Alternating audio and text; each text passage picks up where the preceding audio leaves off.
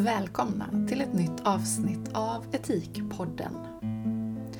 Det är augusti och dags för många verksamheter att starta upp igen med full fart efter semestrar, vikarier och lite annat tempo. Själv befinner jag mig mestadels i skolan nu och där är det ju nytt läsår, nytt schema och inte minst nya elever. Både de som börjar förskoleklass och de som byter från ett stadie till ett annat. Och så de som flyttar hit. Dagens avsnitt tänkte jag tillägna de möten vi har framför oss i våra olika verksamheter och där vi inte får tappa bort vår etiska kompass. Och det här poddavsnittet kommer att bli en variant av ett blogginlägg som jag skrev för ungefär exakt ett år sedan. Och de tankar jag kommer att dela fungerar lika bra oavsett om man arbetar i skola, på ett LSS-hem, HVB-hem, inom SIS eller i äldreomsorgen. För att bara nämna några. Egentligen fungerar de i alla mellanmänskliga yrken. I yrken där man möter en annan människa och har med något att göra i den andres liv. Där man behöver fundera kring det där med bemötande och ansvar. Jag kanske ska förtydliga vad jag menade med att vi inte ska tappa vår etiska kompass under årets gång. Faktum är att jag fångar upp den danske filosofen Knut Eiler Lögstrup igen. Han pratade jag ju annars om i förra avsnittet.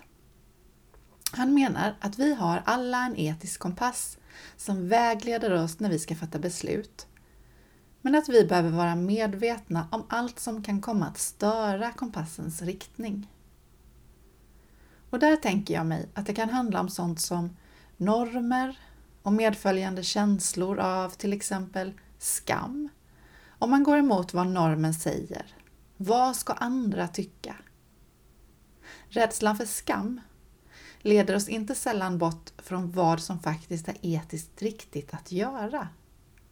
Sociologiprofessor Brené Brown pratar om vikten av skamtålighet.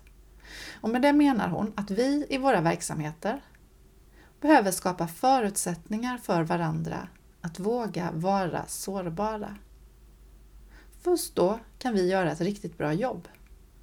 Först då kan vi stå ut med att göra det rätta, även fast det inte är det, det lätta. Men det som också kan störa kompassens riktning är frågan om pengar och frågan om makt. Vad som är rätt är inte alltid vare sig det billigaste, det smidigaste eller det som ger högst status. Och pengar och makt har väl lockat människan i så gott som alla tider. Att vara den som har, att vara den som bestämmer. Ibland kommer etiken i vägen, det vill säga det som vore det rätta att göra skulle inte leda till någon ära eller berömmelse eller pengar på fickan. Och en del väljer att blunda för etiken då.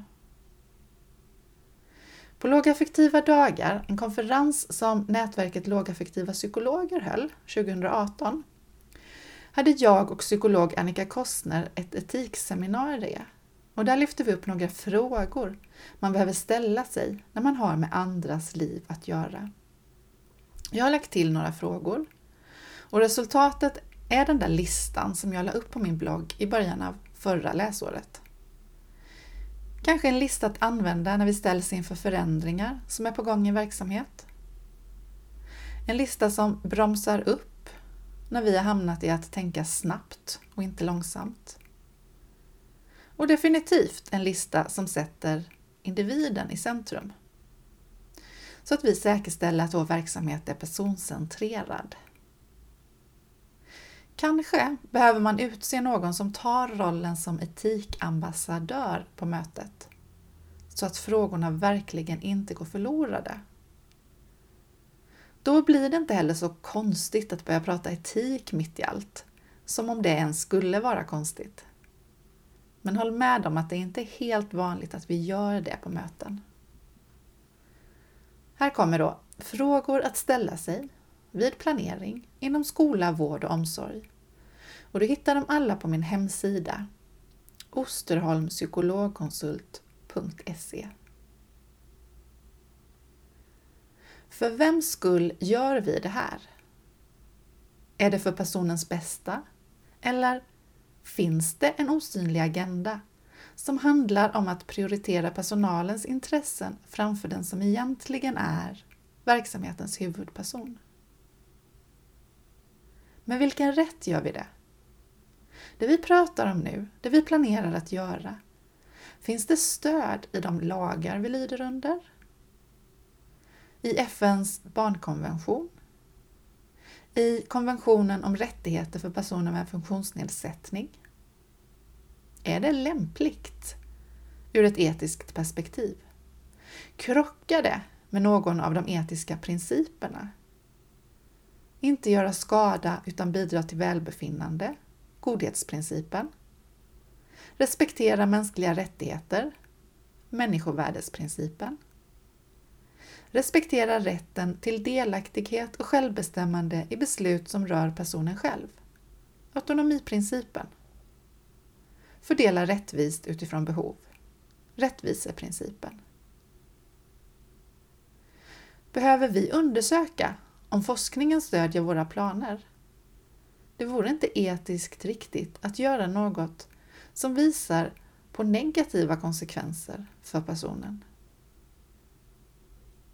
Vad är målet med vår insats? Finns det flera mål? Finns det mål som slår ut varandra? Vilket mål behöver vi prioritera? Och som går att luta mot både lag och etik. När det gäller förändringar som vi planerar åt någon annan får empatin inte tappas bort. Om det var kring mig som den här situationen kretsade, hur hade jag då velat bli bemött? Vad hade jag velat veta? Vad hade jag behövt för att må bra i det som sker? Har vi gått en mil i den andres skor? Vet vi historien bakom? Vet vi hur det är nu? Utifrån den andres perspektiv. Inte utifrån vad vi har fått berättat för oss eller vad vi har varit med om. Vet vi vad personen själv vill? Hur ser hen på det hela? Vad tycker, tänker och känner hen inför den här situationen? Hur gör vi hen delaktig i det som planeras? Hur ökar vi personens självbestämmande i frågor som rör hen? Behöver vi backa tillbaka i processen för att få med personens röst om vi har missat det på vägen? Det är också viktigt att fundera på vilket synsätt vi har när vi planerar en förändring för verksamhetens huvudperson. Utgår vi från att personen gör så gott hen kan? Om det visar sig att vi istället har problemlöst och planerat utifrån att man inte har gjort sitt bästa, att vi till exempel har utgått från att någon har betett sig illa med flit och det är med utgångspunkt i detta som vårt planerande har tagit fart. Till vilken punkt behöver vi då backa så att vi åter har siktet inställt mot stöd och hjälp? Finns det risk att vi planerar en bestraffande åtgärd utan att vara medvetna om det? Hoppas verkligen att de här frågorna kommer till nytta för er. Och nu återstår ju bara min fråga till dig.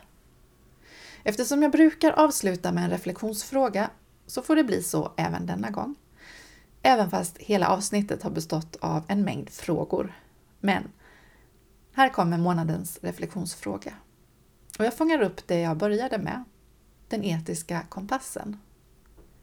Hur vet du att din kompassnål inte längre pekar mot det du tänker är rätt? Mot det du vill stå för? Mot det du tänker är gott?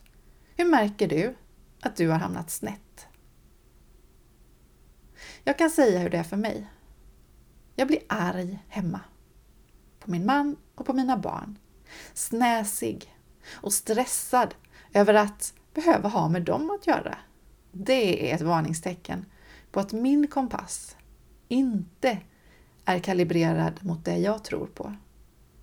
Det är ett varningstecken på att jag har dragits med i något som inte ligger i linje med vad jag ser som viktigt, som värdefullt. När jag inte är sann mot mig själv. Hur är det för dig? Vad är dina varningstecken på att du är på väg att gå vilse? Vi ses igen nästa månad. Ha det så bra tills dess.